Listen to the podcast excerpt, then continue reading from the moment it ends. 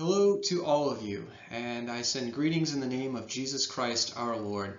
My name is Marcus Ross, and I'm a paleontologist living in Virginia. I have the distinct honor and privilege to be part of your meeting this year, and I am very grateful for it. I have also had the distinct honor and privilege of visiting your wonderful country several years ago as I worked on my PhD dissertation on a group of animals well known from the Netherlands, and that is the mosasaurs a group of which I will be speaking and talking about today. The title for today's talk is Of Mosasaurs and Meteors, Life and Death in Noah's Flood. So the structure of the talk here today is going to follow four different parts. First, we will have a long look at the biology of these most amazing marine creatures. Next, we will take a look at their distribution in the rocks of the world, the sedimentary rocks of the world. We'll then take a look at issues regarding their extinction and also a question about their extinction during Noah's flood. So our first uh, area of exploration is going to be in mosasaur biology. What were these creatures? How did they live? Where did they live? Mosasaurs were magnificent. They are fully marine lepidosaurs. That's a fancy word for lizards. Uh, the group that includes lizards and snakes is known as lepidosaurs, and mosasaurs fit very nicely within the groups that we usually consider as lizards and snakes. So while dinosaurs are a very different sort of organism that is more similar to crocodiles and in other ways more similar to birds, mosasaurs were much more similar to snakes and lizards that we have alive today. They were, however, much larger than uh, virtually all of the snakes and lizards uh, that are alive today because these animals were on the small side about three meters long and on the long side in fact, the very largest of the mosasaurs known is from the Netherlands, a specimen of Mosasaurus hoffmanni, clocking in at 17 meters in length, 54 feet for uh, we Americans over here. So these creatures were enormous and they were also beautifully designed for life out in the open ocean. Uh, this illustration uh, from paleo artist uh, Mr. Hawley shows three different species of mosasaurs known from North America. Tylosaurus proriger uh, towards the bottom. In the middle, Platecarpus tympaniticus, uh, a medium-sized mosasaur of about uh, 20 feet, about 7 meters, uh, and then Clidastes liodontus, uh, which could be anywhere from about the uh, 4 to 6 meter side of things. These animals, you'll note, have long tails. They have paddles and flippers instead of hands, and their bodies are extraordinarily streamlined with a very large head filled with a lot of very dangerous and pointy teeth towards the front. Most of the mosasaurs were generalist predators. That is, uh, they would eat whatever animals happened to be in their way and available at the time. Uh, something like Tylosaurus would eat a wide variety of different fish, reptiles, and other creatures. Some of the mosasaurs, however, were much more specialized. As we'll encounter, some of them were what we call durophagous, which is a fancy word for they ate shells, harder shells such as clams. Others uh, would eat only fish, or seem to be eating only fish. We refer to them as being piscivorous. Now, mosasaurs, as I mentioned, were variable in size, but all were rather large, 3 to 17 meters in length. The average size of a mosasaur was probably somewhere around uh, 6 to 7 meters, uh, with a few species that got to be very, very large and a number of them that were on the smaller side. Currently, there are about 40 valid mosasaur genera.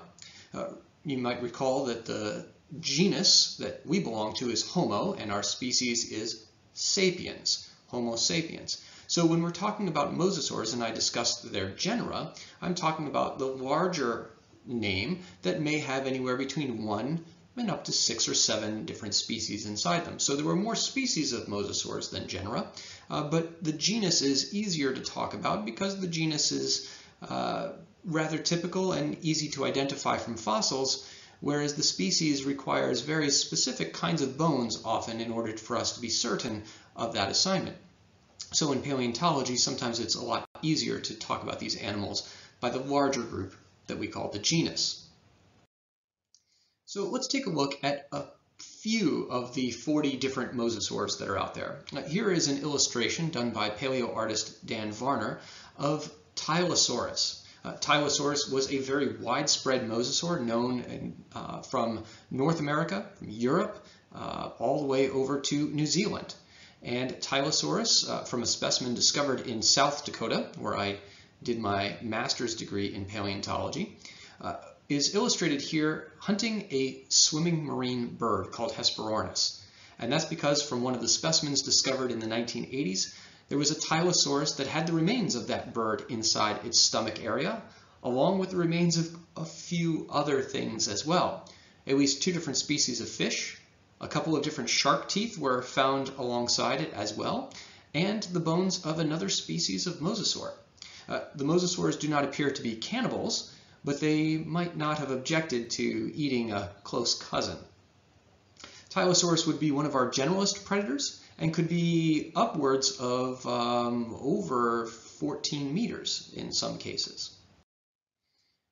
Another generalist predator is this animal, beautifully illustrated here again by Dan Varner, of Plioplatecarpus. This is a uh, upper Cretaceous, late Cretaceous, and Maastrichtian uh, member, also had a uh, very global distribution, found all over the world, and illustrated here giving birth to its young, which is something that we now know mosasaurs were able to do. Now, again, mosasaurs were lizards. They were not mammals, and so they do not have a placenta.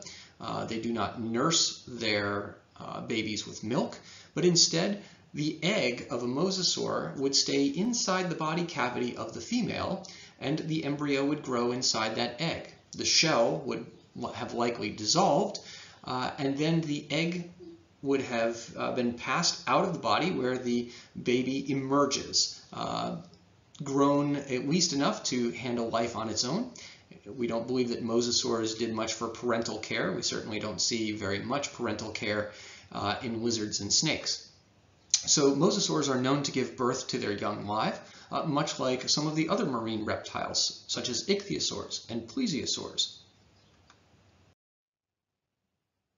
One of the more specialized mosasaurs that we know in the fossil record is this animal, Plotosaurus. This is one of the piscivorous types of mosasaurs that we believe was eating only fish as opposed to something like Tylosaurus, which was eating anything that it wanted. Plotosaurus has got a very long body compared to uh, some of the others. Very streamlined with a very thin, long head and uh, the tail. Now, one of the things we've discovered now about the tail, uh, paleontologist uh, Johan Lindgren from Sweden initially discovered that the tail of Plotosaurus actually was curved downward. So this earlier illustration is somewhat inaccurate. Uh, the lower part, uh, the back end of the tail would have curved downward and would have created a fin with an upper support structure as well. Also notice as we take a look at the hand that the forward flipper has many, many bones for the fingers. Uh, you and I each have three fingers in our hand, uh, each of our fingers, aside from the thumb, there's just two there.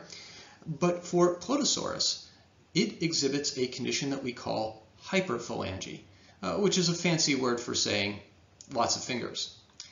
And as a result, when we take a look at uh, the animal over here, we find that uh, Plotosaurus was probably a fast pursuit mosasaur fast pursuit mosasaur. So rather than being an ambush predator, like most of the mosasaurs were, uh, this one instead is going to be chasing after fish out in the ocean. Another of the very specialized mosasaurs is Globidens. Uh, Globidens has a distribution primarily in North America and in northern Africa. Uh, it's known from Alabama and South Dakota, but most of the fossils of Globidens are now coming from Morocco. Globidens has very large, almost onion-shaped teeth in the back uh, designed for crushing shells. The front teeth are kind of thin and uh, more rake-like so that it could scrape through the sediment to pick up the clams and then crush them with the back teeth. Mo Globidens was a smaller mosasaur, typically only about uh, five or six meters in length, uh, but the skull was very heavily constructed to reinforce for the strength necessary to break these clams. There are a few other mosasaurs that were eating hard-shelled materials, the animals that we call being durophagous, shell crushing.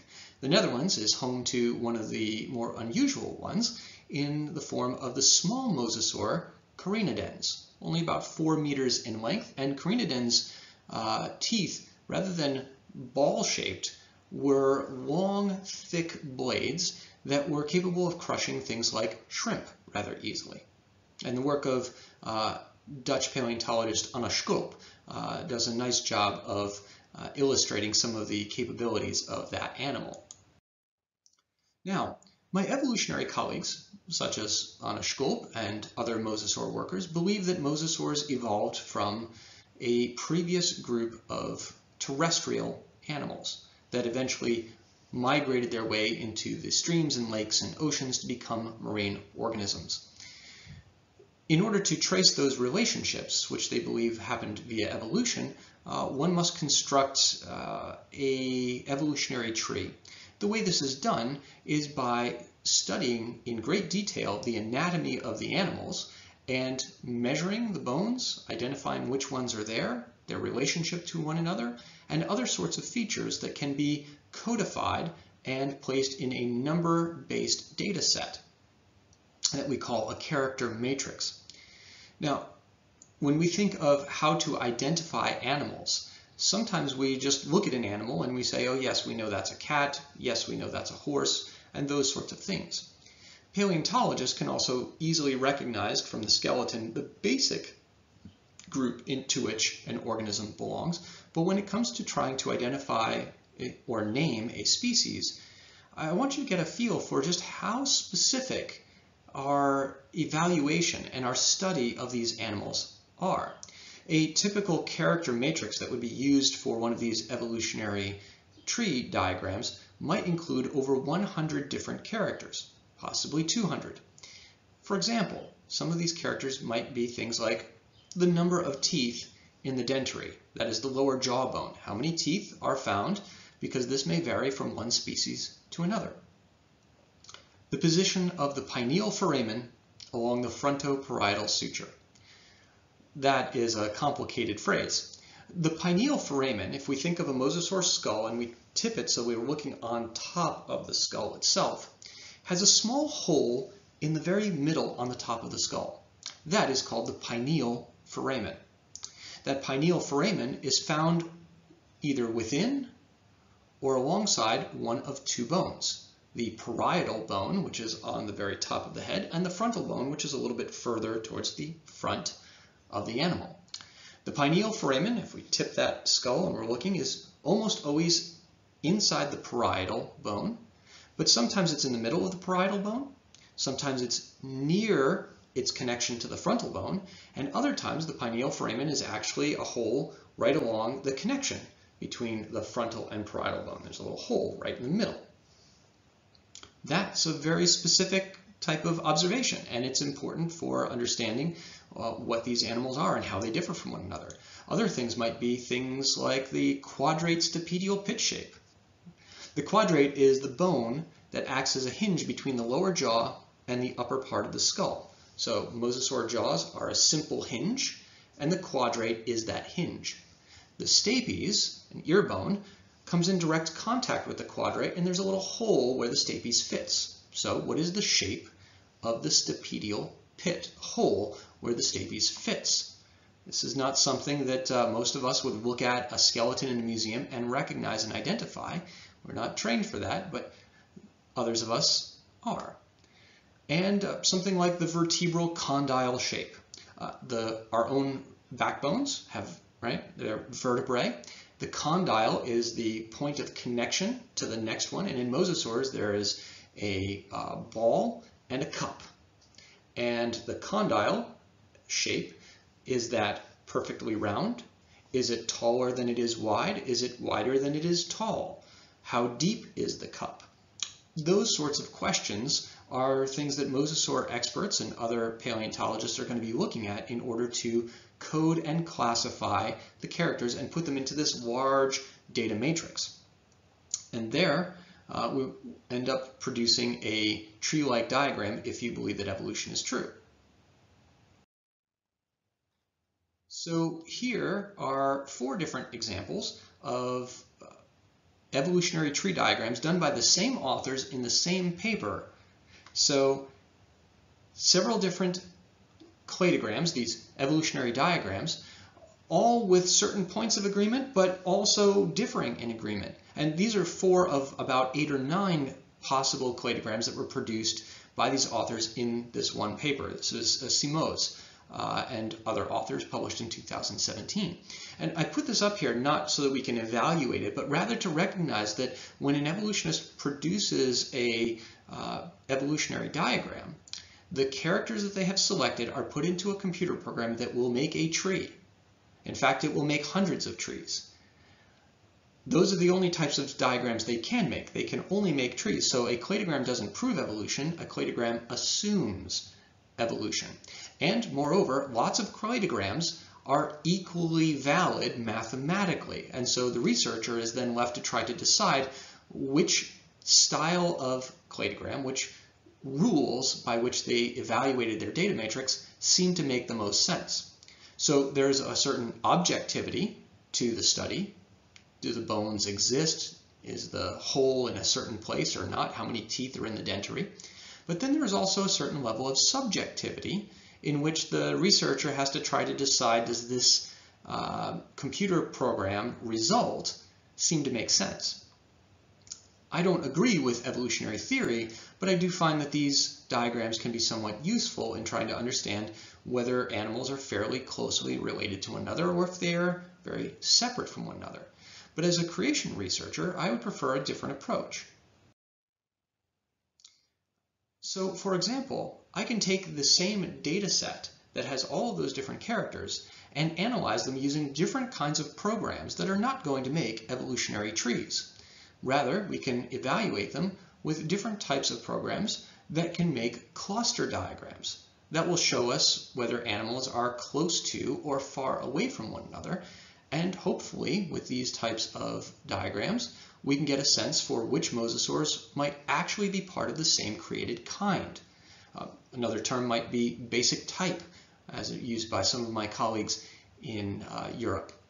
But whether you call them created kinds or basic types, what we're trying to do is figure out what are the types of organisms that God initially created, or organisms that were alive that were part of their original created kind at the time of Noah's flood when these fossils were formed. Here is an evaluation that I did quite a number of years ago of the mosasaurs from the standpoint of created kinds.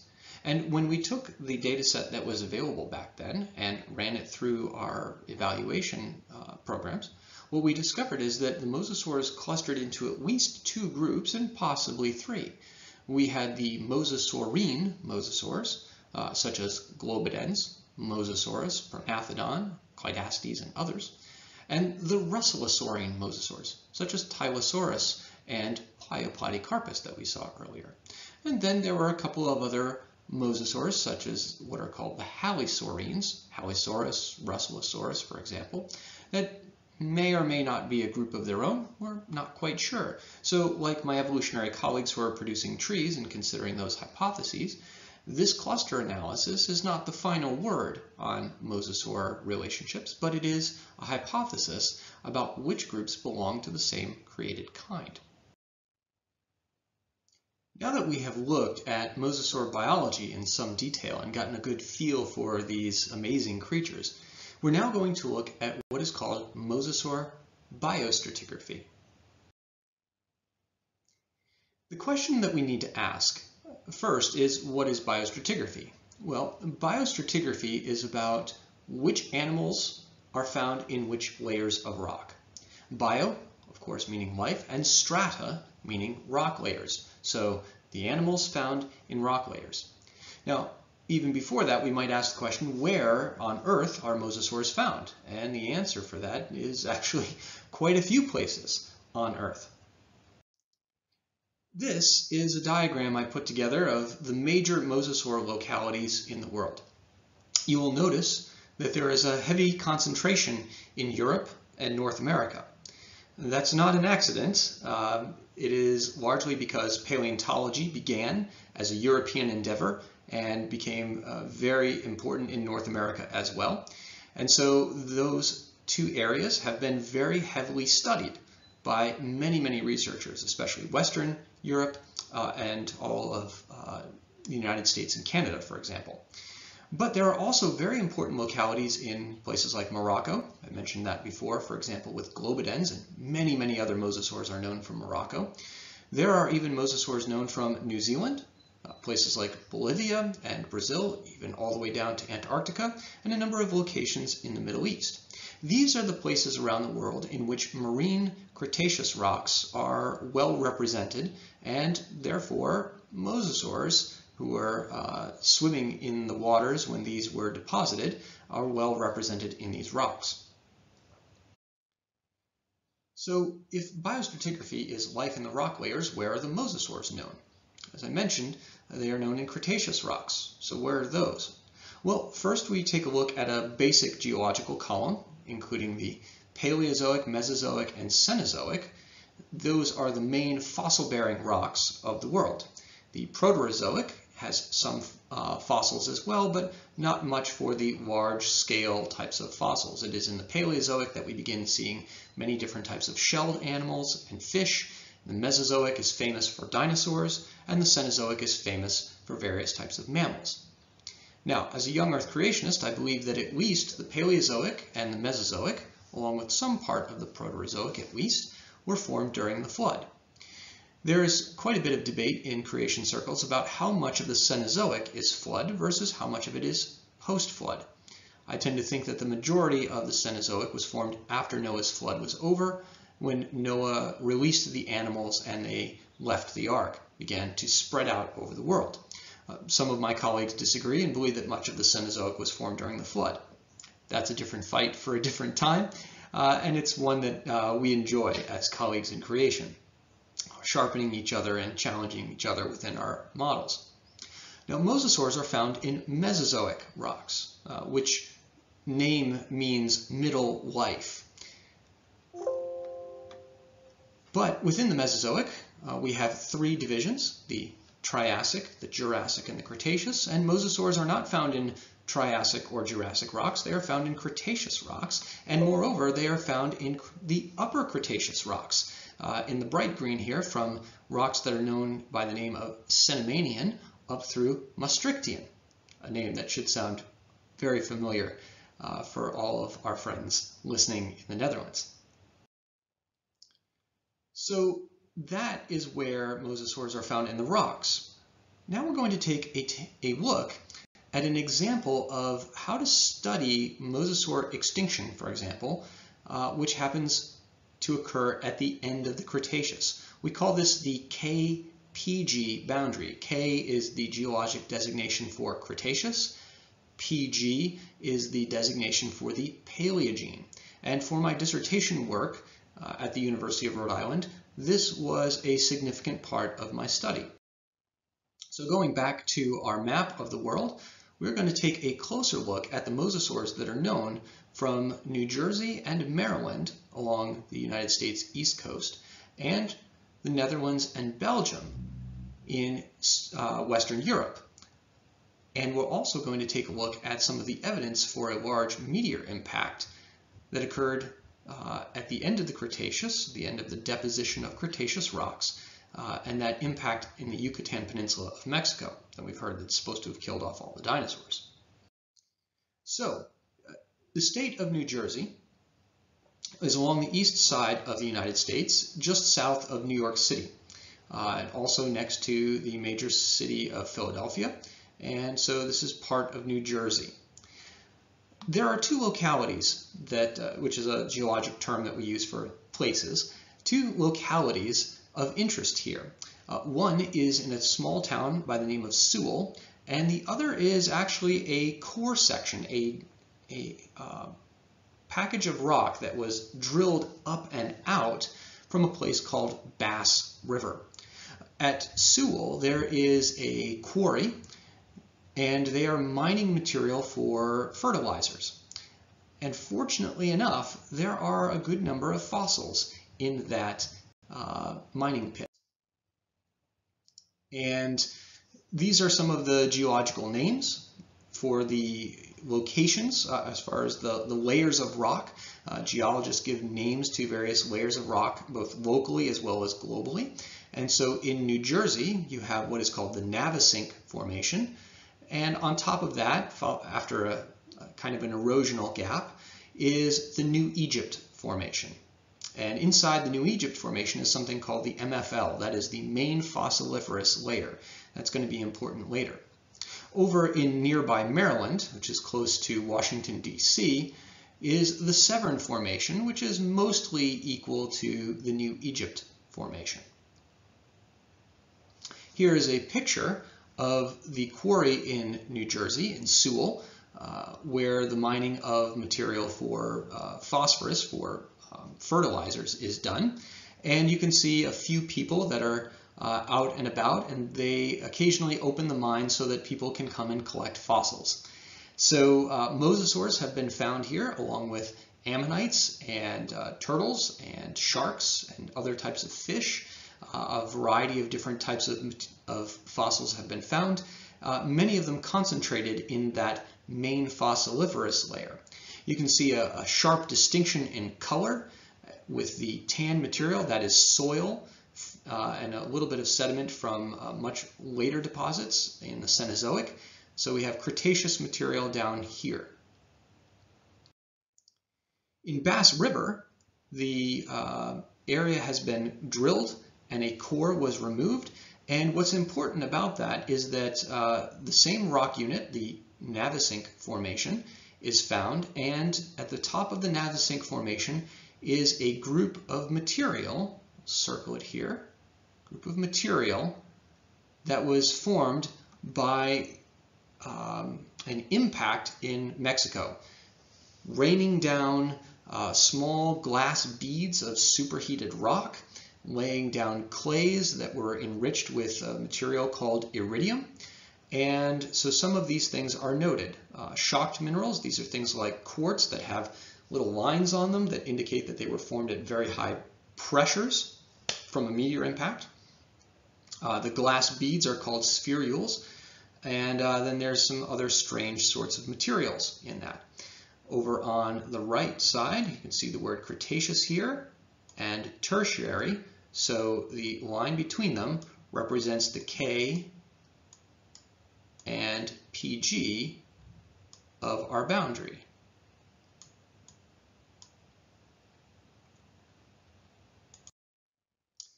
Over in the Netherlands, I had great opportunity to visit the town of Maastricht and also others. I got to visit the Teylers Museum, for example, and see some of their wonderful classic materials recovered uh, in the 17 and early 1800s.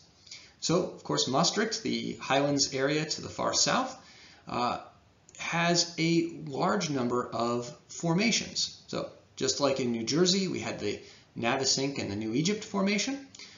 In the Netherlands, you have the Gulpen Formation and the Maastricht Formation, and those formations are further subdivided into smaller units that we call members.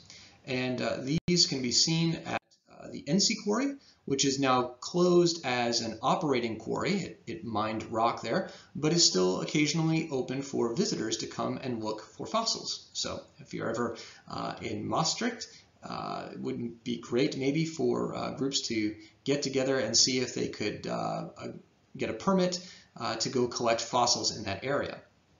And I had a chance to visit the ENCI Quarry and also, a little hard to see, but you might be able to notice that there are some little black dots on the picture. These are um, historic caves. Before the quarry was made in the 20th century, the chalk of the Maastricht Formation was mined by tunnel mining. And I had an opportunity to actually go into these mines led by uh, led on a tour so that we could see a Cretaceous tertiary boundary um, uh, exposure that had been uh, opened up by a ceiling collapse. So the, the roof of the mine in there had actually fallen down and exposed this. Here is a very similar system to what is seen in uh, the Bass River core of uh, New Jersey.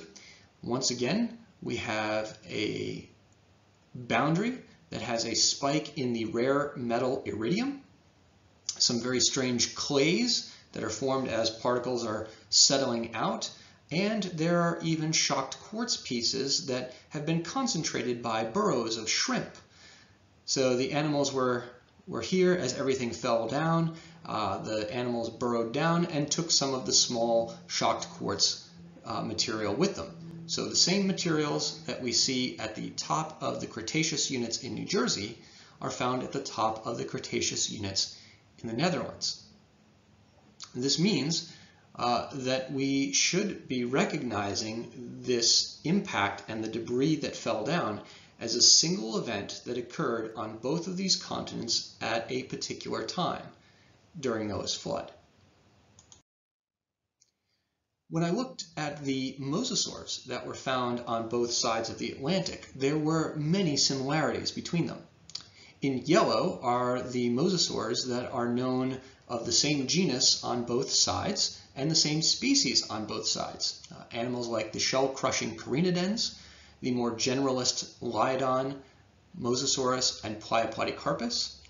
The genus Prognathodon is known on both sides, but from slightly different species, and Prognathodons seem to be going after uh, turtles and larger prey. And then uh, each continent has members that are not yet, at least, found on either side. In Belgium, uh, Tylosaurus is known from the lower Maastrichtian, and in North America, Halisaurus is known from uh, the upper Maastrichtian. So all of these are found below fairly similar Cretaceous-Paleogene boundaries. And there's no intact mosasaurs above those boundaries. So it seems like we have mosasaur fossils, an event, and no more intact original mosasaur fossils. We occasionally have some that were uh, eroded and redeposited. So in my dissertation, I was approaching this from an evolutionary perspective, not from a creationist one, but I was always thinking about creationist applications as I did this. So what I used was a mathematical approach called rarefaction. Uh, let me show you on the next slide what this really means. If we take a look at the rocks that are known from New Jersey from Maryland and from uh, the area around Maastricht, for example, what we find is that there are lots of mosasaurs, but they are not evenly distributed amongst all of the different rocks. Some of the rocks, such as the Severn Formation, have very few mosasaurs that have been found, mostly because it's a very urban area and there's a lot of building on top of it. Very few places in which they've been uh, mined out and found. Uh, the Netherlands has produced more mosasaur fossils, teeth and bones, than uh, the North American ones.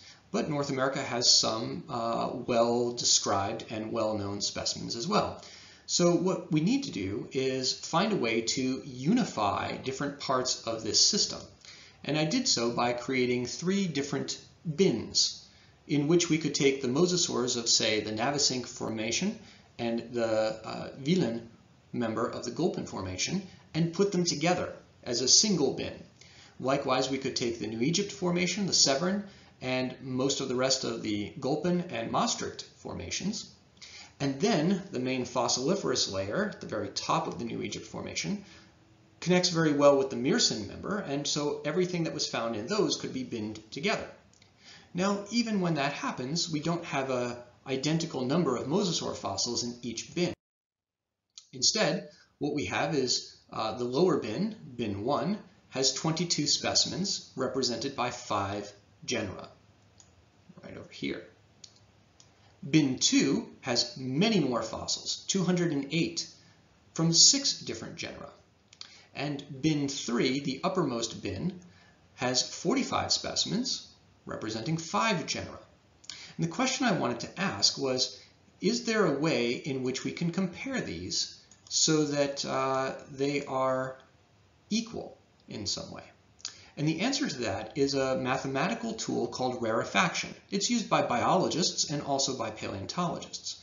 What rarefaction does is say, well, what if we took the large groups, bin 2 and bin 3, and only sampled 22 of them? What would we expect the number of genera to be if I took a random grab out of the 208 and I found that mathematically I would expect a little more than four genera, on average about four. And our, um, our uh, variability to that, what we would use to figure out our range of possibilities, is this 0.9 down at the bottom. For bin number three, the uppermost bin right below the KPG boundary, I found that we should also expect about four mosasaurs. So the fact that we actually have five uh, at 45 means that we should have four if we sampled just 22. So it seems that the number of mosasaurs per bin, when we correct for um, a small sample number, is approximately equal. To put it in a graph form, we find our, um, our bin number three is at 5 over here. And our bins, uh, actually this would be bin 1. I call them a little bit differently in my dissertation, but um, our first bin is at 5, our second bin is a little over 4, our third bin is a little over 4, and our uh, range of possibilities are represented by the, the lines here. And so this tells us that statistically speaking, there are equal numbers of mosasaurs in each one of these bins. Now, that is important because it tells us that it seems that mosasaur diversity was not changing at all as we go up through the section. So what does this mean for our final analysis? Well, mosasaur fossils are found in sediments. They're found in sediments all around the world that were deposited when sea levels were very, very high. Places like South Dakota today are 1,000 to 3,000 feet above sea level in the places where mosasaurs are found. Uh, there are mountains that are higher than that, but the areas where the mosasaurs are found are 1,000 to 3,000 feet high. The water of the Atlantic Ocean and the Gulf of Mexico is thousands of miles away, many, many miles. And so there must be some way in which the ocean levels were high or the continents were low or both in order to get the continents flooded with water, which is something that we expect from the description in the Bible of Noah's flood. I think that the mosasaurs are being deposited, that they are being destroyed by catastrophe towards the end of the flood. We also, as we saw, uh, see mo similar mosasaur faunas between both the east coast and places like Maastricht and the Netherlands. So this is an area where similar mosasaur groups are towards the end of the flood. And we don't find any mosasaurs that uh, seem to have been deposited uh, after the KPG event, after the asteroid. So uh, any mosasaur fossils that we find above that boundary usually look like they've been worn and broken. It's not complete skeletons, it might be occasionally a tooth and teeth that are not in good condition. So we believe that those have been um, removed and reburied at some point. And there's very, very, very few of them. So it appears that the last appearance of the mosasaurs, the last time we find in-place mosasaurs, like full skeletons, is coincident with all of this impact-derived material, all of this evidence for a asteroid or meteor impact that occurred in Mexico. And it doesn't appear that the mosasaurs, uh, they are dying, no doubt about it. Their, their, their bodies are being, uh, they're being killed and their bodies are being deposited by sediment. Um, but there doesn't seem to be any particular gradual die-off of the mosasaurs it looks like they might almost have made it through the flood. And so I think that mosasaur extinction might not have actually been directly caused by the water component of the catastrophe. Uh, mosasaurs were fairly strong swimmers. It seemed like they had been able to avoid much of the destruction of Noah's flood. But towards the later end of the flood, there was this impact. And that impact must have had a very uh, negative situation that occurred to their ecology. What might that be?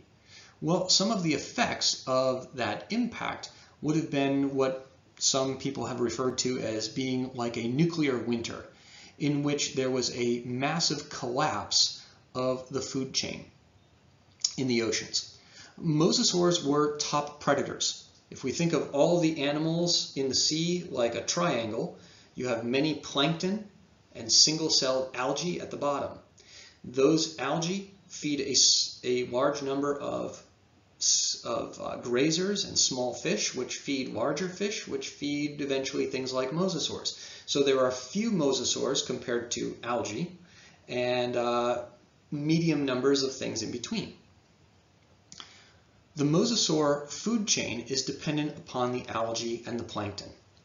If the impact shut out very much sunlight, it would have caused a crash in the production of plankton.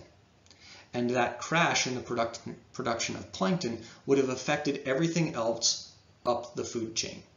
And mosasaurs, being at the very top, need large amounts of food in order to stay alive.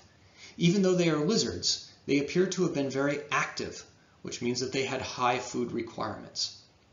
And so, for want of 10 fish, the mosasaurs began to die, and it seems that they did not survive long after the impact. Now, there are many other things that we can look towards as possible investigations into the future. We might ask what other animals, especially in the marine world, were affected by this Cretaceous uh, impact event. Were the plesiosaurs affected? It appears that they were, but it also appears that there were very few of them by the time we get to the Cretaceous deposits. There are no ichthyosaurs in the upper Cretaceous deposits. They appear to have died earlier in the flood. But other things survived, such as sharks, probably due to the fact that sharks have a very low metabolism and the mosasaurs had a very high one.